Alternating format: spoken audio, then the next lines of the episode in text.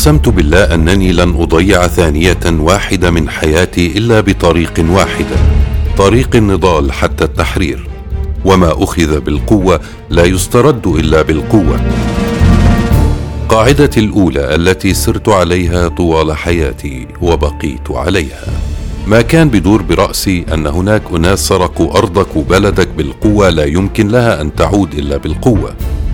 انضميت لخلية عسكرية تابعة لحركة فتح. وبدات عملياتي العسكرية ورحلتي لطرد المحتل. لكن للأسف في عام 1987 كشف أمري وسجنت. الألم اللي سببته عملياتي للمحتل وكثرتها توجت بالحكم سجن مدى الحياة لكن لم تنتهي الرحلة. بعد عشر سنوات خرجت بصفقة لتبادل الأسرى وعدت للقسم. سأبقى على طريق النضال. عدت وانضميت لكتائب شهداء الأقصى وكنت قائدا. عادت عملياتي تهز الكيان بصورة أخرى. كنت أزرع الرصاصات في صدور الجنود. كل طلقة تخرج من مسدسي كانت تتوقف في صدر جندي. عاد الرعب هذه المرة أقوى وأكبر. تمت مطاردتي مرة أخرى وخصصوا جزءا كبيرا من وقتهم وإمكانياتهم فقط لي. وفي عام 2002 تم إلقاء القبض علي وبدأت رحلة العذاب.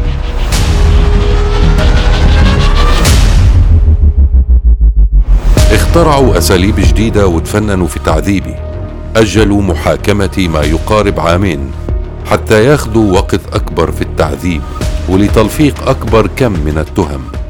صدر الحكم بسبعة مؤبدات حكم خارج عن كل النصوص.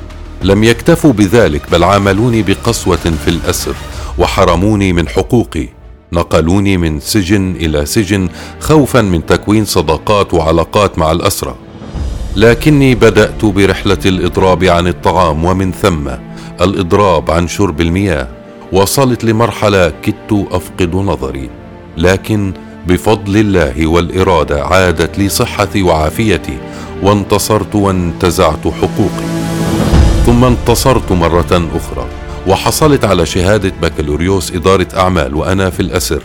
وخلال وجودي بالسجن حصلت أيضا على ماجستير في الدراسات الإقليمية مسار الدراسات الإسرائيلية. أصبحت مثالا للأسرى ولغير الأسرى. أصبح حال لسان الشارع يقول روحوا شوفوا الأسير خليل أبو عرام الأقرع شو عمل وهو بالسجن. عانيت وما زلت أعاني وأهلي أيضا عانوا في زيارتي. بناتي وأولادي تزوجوا وأنا داخل الأسر. تغيرت الحياة وأنا في السجن. منذ عام 2002 لم أرى السماء بدون شباك. أكثر من عشرين عام متتالي وأنا بالسجن وما زلت أقاوم. كلما رأيت أسير جديد ركضت إليه وعليه أحضنه وأقبله. وأبدأ معه برحلة المقاومة من الأسر. وصلت لقناعة أن الله سخرني في السجون للأسرى. رغم عيشة القهر والحكم المرعب قاومت بالأسر وما ضللت طريق التحرير. حصلت على شهادات عليا وأخذت حقي وحقوق الكثير من الأسرى. وألفت بحوثات كثيرة عن الحركة الأسيرة. ليس لأن الكيان محترم ويحترم الأسرى. لا بالعكس هذا الكيان مجرم ومحتل. يحرمك من حريتك ويعطيك صفر من حقك. بعد إضرابات وتضحيات مش سهلة لكننا لا نفوت فرصة واحدة لقهر السجان.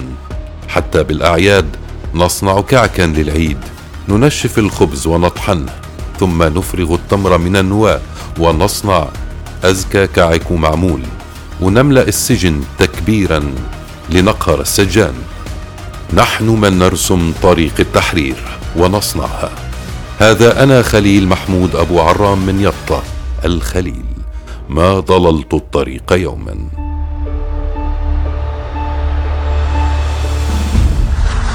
ويلي ويلي على حق مضاع في متاهات العواصم. جربت كل وعودهم عبثا ترد لك المظالم. فالحق يؤخذ عنوة. لا بالوعود ولا المزاعم. بودكاست من الزنزانة يروي قصص الأسرى في سجون الاحتلال وحياتهم النضالية. يعدها محمد فخر التلاوي ويرويها بصوته ماجد شبلاق. إخراج صوتي خالد النيرب.